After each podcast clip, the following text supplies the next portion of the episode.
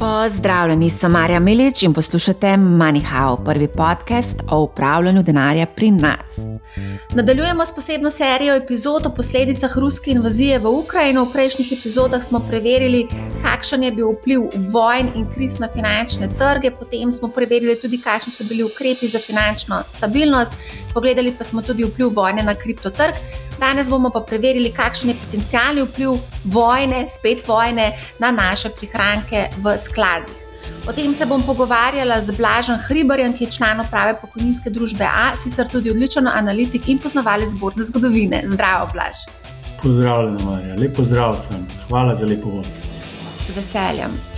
Predlagam, da gremo najprej na obvezniške trge. Um, Rusija je prenehala splačevanje kuponov na določene izdaje državnih obveznic. Nihče v resnici ne ve, ali bodo imetniki ruskih obveznic videli ta denar in koliko. Na trg pa mimo grede vstopajo tudi skladi, ki jih mnogi imajo za mrhovinarje, tako imenovane distress debt investorji in pa hedge skladi, ki so prejšnji teden začeli kupovati ruske in ukrajinske obveznice. Te namreč kotirajo tudi 70 do 80 odstotnim popustom, glede na glavnico. In v tujih medijih beremo, da klirinške družbe ne omogočajo prenosa lastništva teh obveznic. Kaj se dogaja na trgu ruskih in ukrajinskih obveznic, Blaž? Spremljaš dogajanje? Spremljam, seveda, spremljam tako kot mi vsi spremljamo tole rusko uh, invazijo Ukrajine in posledice, ki jih je prinesla.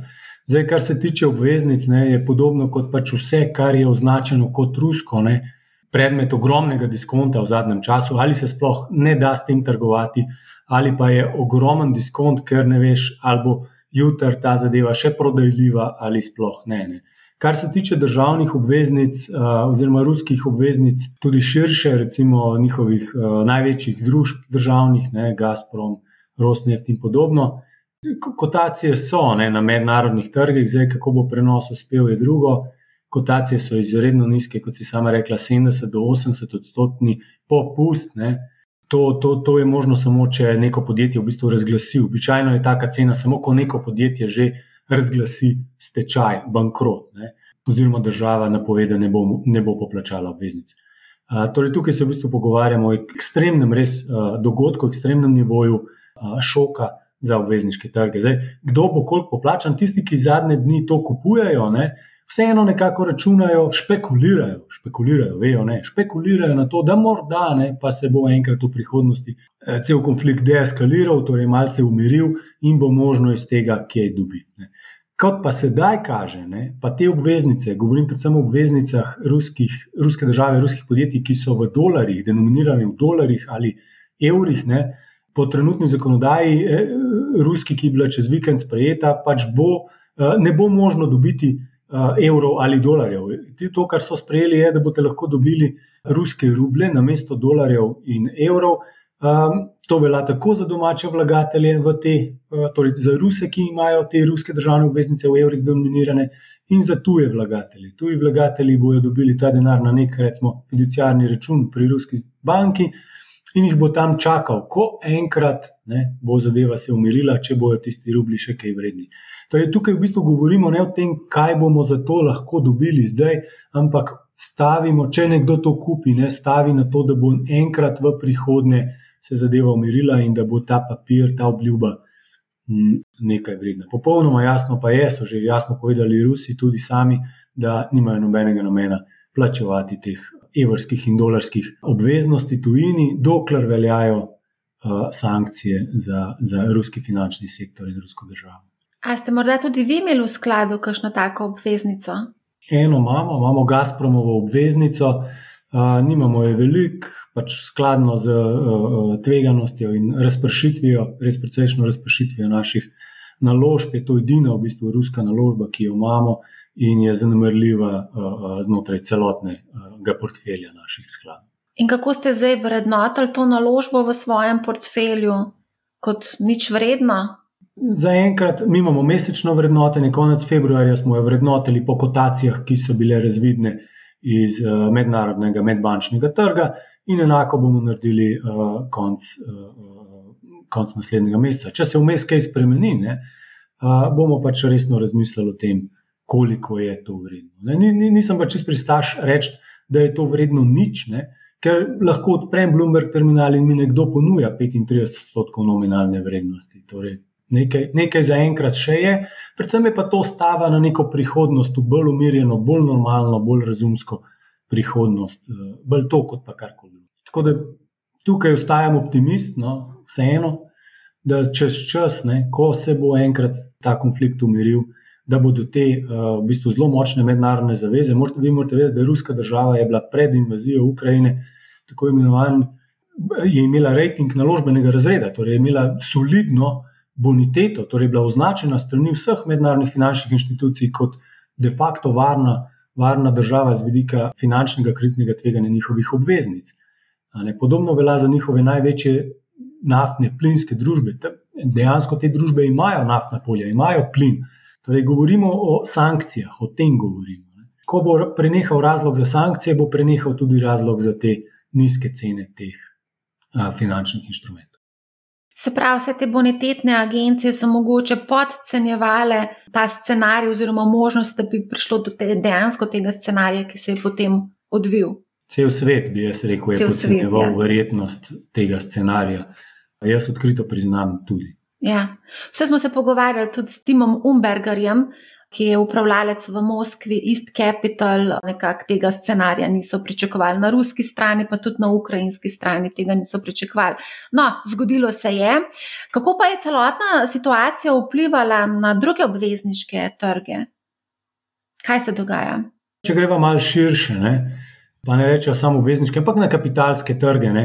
Pač vpliv je v bistvu uh, tak, kot bi človek na nek način logično pričakoval. Ne? Srž problema, oziroma ta, bom rekel, ta šok, ta bomba je odjeknila v Ukrajini. Ne? Torej, najslabše je danes, če ste imeli naložbe v Ukrajino, drugo najslabše je, če ste jih imeli v Rusijo.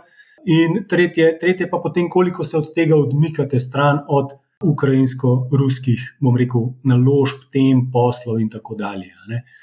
In temu ustrezno vidimo danes tudi pač vpliv na kapitalskih trgih. Če pogledamo, recimo, ruski rubel ne, je izgubil 40% polovico vrednosti že v teh dneh, v primerjavi z evrom. Ne, to je polovica kupne moči, je šla v dveh tednih skozi, skozi okno od ruskega prebivalstva, ne, praktično. Tako da ogromen vpliv. Če pogledamo njihove obveznice, sva že rekla, če pogledamo njihove delnice, je minus 80 odstotkov. Skratka, to je de facto propad, finančen, res propad države ki se kaže v teh, v teh finančnih, uh, uh, bom rekel, indikatorjih resnosti krize za Rusijo. Če gremo potem naprej, ne, uh, vidimo, vidimo, Evropa je v minusu, DAX je močno v minusu, torej nemške delnice. Ne. Evropa je z Rusijo povezana, od njih kupujemo plin, nafto in jim prodajamo, recimo, avtomobile, luksuzne izdelke in drugo znanje. In tukaj je seveda močen vpliv, in Evropski delniški indeks temu ustrezno tudi, recimo, nekje 10 odstotkov v minusu, 12 odstotkov v minusu od uh, začetka invazije. Uh, ni minus 80 kot ruske, je pa precej bolečih minus 10, minus 12 za, za lastnike, za nas, lastnike delnic evropskih. Potem pa, če pogledamo ameriški delniški indeks, recimo SP 500, je pa celo 2 odstotka v plusu v dolarjih. Ne? Med 23. februarjem in preteklim petkom. In, in torej nakazuje na to, da poteza, ki so jo američani potegnili, da ne bodo poslali svojih vojakov, da se NATO ne meša, da ne bo uh, prepovedi letenja v Ukrajini, za katero bi oni skrbeli, se je odrazila uh, v olajšanju na kapitalskih trgih in v, v bom rekel, višjih. Vrednostih, kot pa jih imamo v Evropi, kot pa jih imajo, seveda, Ukrajini in Rusiji. Tako da, v bistvu, bolj ko si odmaknen od uh, same vojne v dobesednem in posrednem smislu, uh, bolje si jo odnesel v zadnjih uh, dveh, treh tednih. Kaj pa Kitajska? Kitajska ni zaenkrat, uh, ima druge težave in se to ne odraža umembe vredno na njihovih indeksih. Zdaj, veliko ljudi, ki so že omenjali Evropo, veliko ljudi je v bistvu v začetku leta nekako stavilo na evropske delnice, bile so bolj privlačno vrednotene, recimo od ameriških. Kako pa recimo danes gledaš na evropske delnice, s podarkom seveda na Nemčiji? V bistvu, če bom rekel tako, odvisen od čem se pogovarjamo. Ne? Vrednotenje ni z danes na jutri, ampak je gledano čez cikl, čez čas. Ne? Obrestne mere vplivajo tudi čez čas. Ne? Tako da vse te teme v bistvu so še vedno z nami, samo za enkrat bi rekel, da so dane na, na, na, na zamrznjene v času zaradi uh, šoka, ki ga je povzročila rusko-ukrajinska vojna. Torej, Preniske obrestne mere, previsoko vrednotenje, pregrevanje gospodarstva, to vse je še v bistvu vedno z nami, samo zdaj je nekako preplavljeno z informacijami, z temo o Ukrajini, o Rusiji. V bistvu čaka, da se vroča uh, tema, torej vojna, razplete do konca. Ko bo enkrat te vojne uh, bom rekel, konec v finančnem smislu, da se finančni trgi ne ukvarjajo več z njo, bomo zopet se pogovarjali o nivojih obrestnih mer, pregrevanju, visoki inflaciji, visokem vrednotenju tehnološkega sektorja, kripto sceni in uh, psihologiji vlagateljev. Zaenkrat pa o tem nima smisla diskutirati. Ampak samo to, da vemo, da te teme so vse še vedno kako žive. In z nami. Inflacija je še vedno visoka, morda bo še, verjetno bo še višja zaradi Ukrajine. Vrednotenja v Ameriki, sem ravno kar povedal, se niso znižala, ne, so se kvečemu uh, ohranila, nivo obrestnih mer se je rahlo povišal, znižal se ni, centralne banke bojo še vedno grejo po poti višanja, malce počasneje. Torej, v bistvu je ukrajinsko-ruska vojna nekako zameglila ključne probleme finančnega sektorja, saj za nekaj časa, dokler je v tako akutni, tako šokantni fazi, ko se bojo zadeve umirile ali torej ne dodatno eskalirale. Ne, pa pričakujem, da bodo te teme zopet prišle na plan.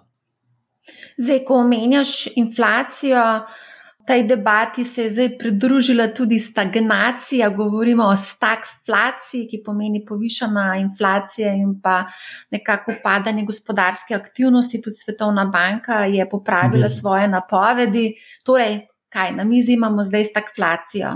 Na mizi imamo zdaj stagflacijo, če govorimo o Evropi, če govorimo o Ameriki, govorimo o minimalnem zmanjšanju visoke gospodarske rasti. Če govorimo o Rusiji, govorimo o, globalni, o, o depresiji, ki ni, ni para v njeni zgodovini. Tako da vidim, če se pogovarjava. Ko pa govorimo o stagflaciji, pa jaz ne bi nujno rekel, da je to ta scenarij predvideva nadaljevanje konflikta, kot ga vidimo danes. Torej, nadaljno trenje med Evropo in Rusijo, nadaljne sankcije, nadaljno bojevanje na ekonomskem gospodarstvu gospodarskem, političnem področju, ne nujno pa na vojaškem, med Evropo in Rusijo. Ne. In tak scenarij, če ga peljemo naprej več mesecev, upam, da ne več let, potem je to stagflacija. Drag plin, draga elektrika, draga nafta, draga pšenica in recesija. Ne. Jaz se nekako probam razmišljati zmerno optimistično, torej v smeri, da čez čas se bo vroča glava, vroča kri umirila in bo prišlo do nekega umiritve. No. Kako, kdaj, ne me vprašati, ne vem, ampak držim pesti za ta scenarij. In v primeru tega scenarija, ne, potem lahko hitro uh, zopet, zopet gremo na tiste stare teme, na tiste stare, uh, na stare, na stare trende. Ne. Torej, bi lahko hitro govorili o tem, da stagflacijo zamenja samo inflacijo. Ne. Inflacija bo takrat, bo, bo ob konfliktu in bo po konfliktu. Samo vprašanje je, po, kdaj uh, bo kaj se uh, uh, uh, spremenilo. Se pa zadnje dni, zadnje tedne, ekstremno hitro svet spremenja, tako da jaz ne bi zdaj govoril, v naslednjem letu, dve bomo imeli stagflacijo. Kdo pa ve, kaj bo naslednja poteza mhm. ruske vojske ali uh, uh, koga drugega, konc koncev. Omenil si zdaj recesijo, kakšna verjetnost je pa, da pride do recesije? Kje? V Rusiji je to dejstvo globoka recesija. Ukrajina ja. nima gospodarske aktivnosti praktično te dni. Evropa gre riskira recesijo za vsem, kar se dogaja. Z, s tem, da nimaš plina, s tem, da nimaš nafte, s tem, da nimaš pšenice, s tem, da nimaš elektrike, praktično, pa imaš tako drago, da je de facto nimaš. Ne? S tem, seveda, vse to krni gospodarsko aktivnost. Ne? In s tem riskiraš, da bo prišlo do recesije. Torej, če nadaljujemo po tej poti, ne lahko računamo na neko statistično gledano recesijo in visoko inflacijo, torej stagflacijo. Ali je to eh, pričakovan scenarij za naslednjih nekaj let? Ne, jaz mislim, da ne. No. Torej, naj se vseeno pričakujem, še enkrat, sem optimist, da rusko-ukrajinska vojna ne bo prerasla meja Ukrajine in da to ne bo preraslo v vojno med NATO in Rusijo. V tem primeru pričakujem, da bo prej ali slej prišlo do deeskalacije in uh, z vidika finančnih trgov postopne usmeritve pozornosti tudi kam drugam, ne v Ukrajini. Moskovska borza je zaprta vse od 24. februarja, torej od začetka vsega skupaj. Ja. Zdi se mi, da se nekako nas to vse spomne ali pa nekako opozori na to, nas vse vlagatelje, male, velike, kako pomembna je likvidnost trga in kako pomembna je v bistvu tudi sama razpršitev. Drži, drži. Ampak Razpršitev je tista ključna, no, ki je neka obramba pred šoki, ki, ki enostavno niso predvidljivi. Ali je to COVID, ki je bil pandemija, ki, smo, ki, ki se je zgodila kot taka enkrat na sto let, ne, na zadnje 1918, ali je to zdaj invazija Rusije v Evropo, ne, kar se je zgodilo na zadnje, ne vem, v 40 letih prejšnjega stoletja, ne, torej ne vem, 80 let nazaj. Ne. Torej, gremo o dogodkih, ki jih pričakujemo, mogoče, ali pa ki jih skozi zgodovino vidimo enkrat na sto let. Ne in jih ni videl noben praktično živeč, ali pa de, nek, tisti, ki hodimo v službo, tega nismo doživeli, sploh na svoji koži. Ne. O omembe vredni pandemiji se lahko pogovarjam s svojo prababico, staro 91 let, ali pa v drugi svetovni vojni se tudi lahko večino z njo pogovarjam. Ne. To so res ekstremni dogodki. No, Kaj pa to pomeni, zdaj, ko je borza zaprta, ali jo bodo sploh odprli, in če jo bodo, ali bodo zahodni investitorji lahko še naprej lastniki ruskih vrednostnih papirjev. No, trenutno je tako, da ne morete kupiti, ne v Londonu, ne v Moskvi, in nihče vam ne zna povedati, kdaj boste lahko kupili uh, uh, kakšno rusko delnico ali pa prodal, konec koncev, rusko delnico. Trenutno je v bistvu tako vzdušje, ne, kot ga sami spremljamo, ne samo, da so sankcije uvedene, torej da Rusi ne morejo de facto nič ne, na finančnem področju. Ne samo, da je prepovedano kupovati, ali pa da smo prostovoljno prepovedali, ali pa se, se, se, nastrojili proti ruskim izdelkom, kot so vem, vodka, recimo, ali pa kaj drugega.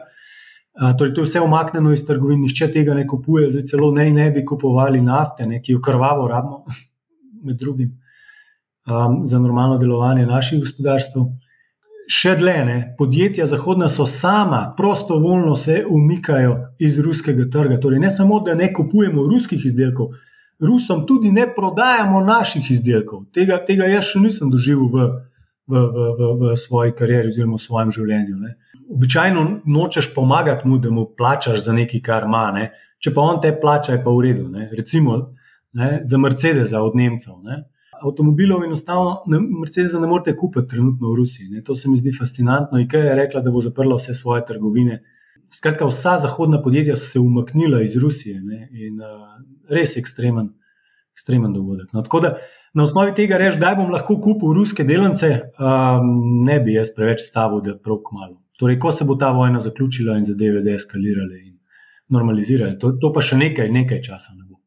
Tudi če se umiri hitro, sama, sama uh, vojaška aktivnost na terenu, sankcije bojo ostale, dokler še, še kar nekaj časa. Um, a se lahko močke dotakneva, kako je ta um, invazija vplivala na naše sklade?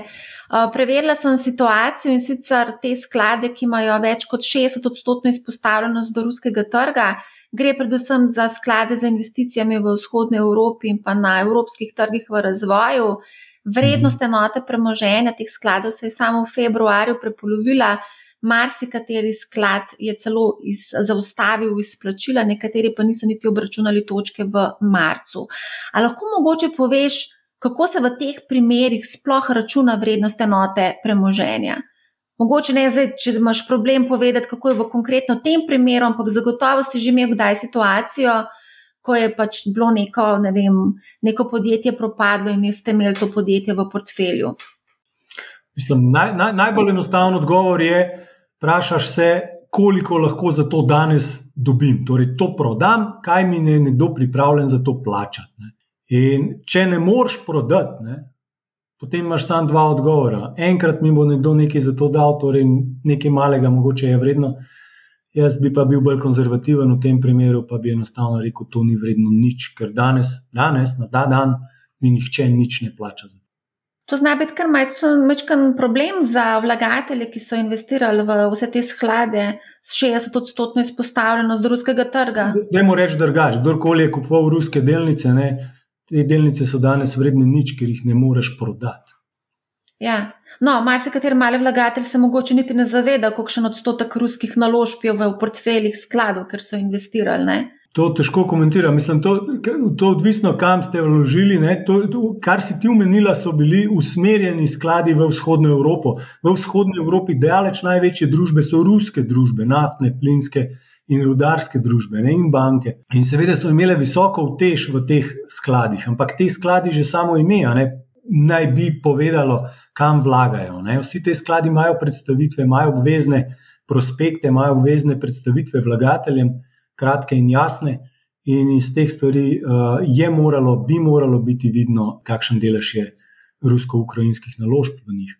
Uh, seveda, jaz, jaz bi tukaj samo rekel, da pač slovenski, ameriški, angliški, kjerkoli vlagatelji v lastniki ruskih delnic pač delijo usodo z vsemi ostalimi lastniki ruskih delnic. To pa danes pomeni, da so izgubili uh, de facto vse. Morda čez nekaj časa bo to zopet nekaj vredno, ampak danes, danes ne, je žal vredno um, nič. Torej, ne morete tega zamenjati za 10 evrov. Mhm. Žalost, na, na žalost ne.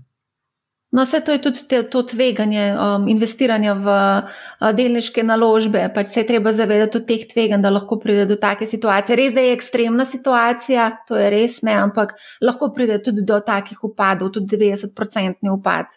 Je lahko, seveda, lete, ampak več, ko, ko, ko greš gledati zgodovino padcev delniških trgov, ne, ugotoviš, da v bistvu vojna kot taka umakne likvidnost.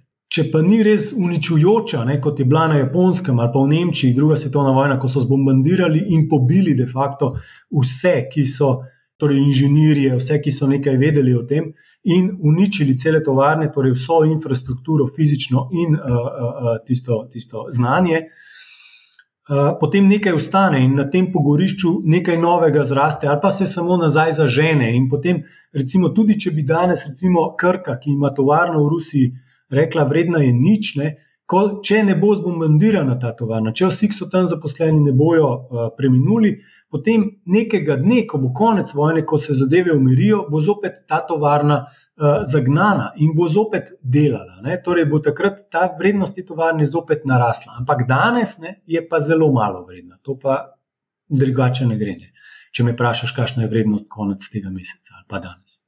Ne vem, če si morda opazil, vodilni svetovni ponudnik referenčnih naložbenih indeksov MSCI bo z 9. marcem izločil Rusijo iz glavnih delniških indeksov na trgih v razvoju, še naprej pa bo izračunaval samostojni indeks ruskih delnic MSCI Raša. Kaj to v bistvu pomeni za sklade in kako se bodo portfelji skladov vem, prilagodili ali pa preoblikovali? Ja, Rusijo bojo umaknili iz svojih portfeljev. Ne? Zakaj ti indeksi? Zato, ker so referenčni indeksi za številne vzajemne sklade, ne? za številne produkte v zahodnem finančnem svetu. In iz vseh teh indeksov bo Rusija avtomatsko umaknjena, to pa pomeni, da bojo vsi upravljalci teh vzajemnih skladov, ki imajo za referenčni indeks ta indeks, ne, odprodali Rusijo, oziroma dobili zeleno luč, da Rusijo odprodajo mirne vesti. Uh, in, in tudi, če potem bi se nekako prišlo do preporoda Rusije, oni pač tega nimajo v indeksu in torej niso več uh, zavezani investirati v Rusijo. S tem v bistvu izvršiš pritisk na prodajo ruskih naložb. Zelo učinkovito. Kako se bo pa redefiniralo investiranje v trge v razvoju? Imamo kar nekaj žarišč tudi na kitajskem, se kar precej dogaja in kako v bistvu dolgoročno gledaš na te trge? kot riskantne, tako kot sem vedno, če si iskreno, mi smo vedno na njih gledali kot na riskantne, mi praktično nimamo naložb na trgih v razvoju. Namenoma smo se tukaj odločili z vidika uh, varnosti in, in donosa in tveganja, ki se nam enostavno to razmerje ni zdelo tako všečno kot pa uh, drugje po svetu. Razlog je enostavno v tem, da so te trgi, ko pomisliš na 10, 20, 30, 40, 50 let, nepredvidljivi. Eh, Rusija je zdaj pač primer, ali pa Ukrajina, ko, kako zelo nepredvidljivi so. In, in v tem primeru za pokojninski sklad ne, uh, vložiti svoje pokojninske prihranke v kitajske delnice, v ruske delnice, ne, vsaj v pretežni meri, uh, se, se enostavno nam zdi pretvegano, zato se tega pač uh, izogibamo. Um, smo bolj konzervativno usmerjeni vlagatelji, um, naši vlagatelji ne marajo uh, izgub tveganja želijo dodatno pokojnino ob svoji starosti in temu ustrezno pač je vsa naša naložbena a, a, filozofija oziroma usmeritev, strategija a, a, prilagojena. Tako da, kako se bo to spremenilo, višji nivo tveganja bojo te trgi, pač jasno so ga pokazali, temu ustrezno bojo v prihodnosti tudi drugače vrednoteni, torej nižje vrednoteni. Težje bo razlagati, da Kitajska ni tvegana a, kot naložbena destinacija teže bo nalagati, da razlagati, da Brazilija ni tvegana, Indija in tako dalje. Ne. Tako da jaz mislim, da se bo nivo, da se bo zavedanje, da so te trgi fundamentalno tvegani na nek do, da, daljši rok, ne, bolj, bolj razširilo in bo temu ustrezno pač bolj vrednoteno, oziroma bolj jasno vrednoteno v finančnih inštrumentih. Mhm. No, sej, če pa pogledamo malce zgodovino, ona pa vidi, da so bili trgi v razvoju v 20, zadnjih 20 letih, kar so bili kar zelo uspešni, za izjemo pač zadnjih nekaj let. Ne. Po letu 2000, pa poko dotkom balona, so pa v bistvu bile underperformale, so tehnološke delnice v bistvu. Ne. Tako da imamo vedno to izmenjavanje nekako. Um, za trge v razvoju, razvite trge, konstantno izmenjavanje. Zdaj pa ne vem, kako bo v prihodnosti. Ja, zdaj gremo bolj v smer, da niso ravno med popularnimi naložbami. Ne. Trgi v razvoju so neka taka geopolitična, bi jaz rekel, naložbena tema. Ne. Ali se trgi v razvoju hitreje razvijajo, torej lovijo razviti zahodni svet, ali, ali ne. ne. In ta, ta lovljenje, ta postopek je vedno bolj linearen, zvezan z zmernim naklonom. Medtem ko, ko gre nekaj narobe, gre pa hudo in fajst in hiter narobe. Ne bom rekel, ta šok, da bo nekaj šlo na robe, ali pa to verjetnost, da bo nekaj šlo zelo na robe, ne, takrat, ko že pet let, deset let ne, ne, se trgi v razvoju lepo razvijajo, imajo više gospodarske rasti, takrat to z veseljem ignoriramo in v, v bistvu bolj nekako prevladuje logika kratkoročnega investiranja za naslednje pol leta, za naslednje leto. Ne.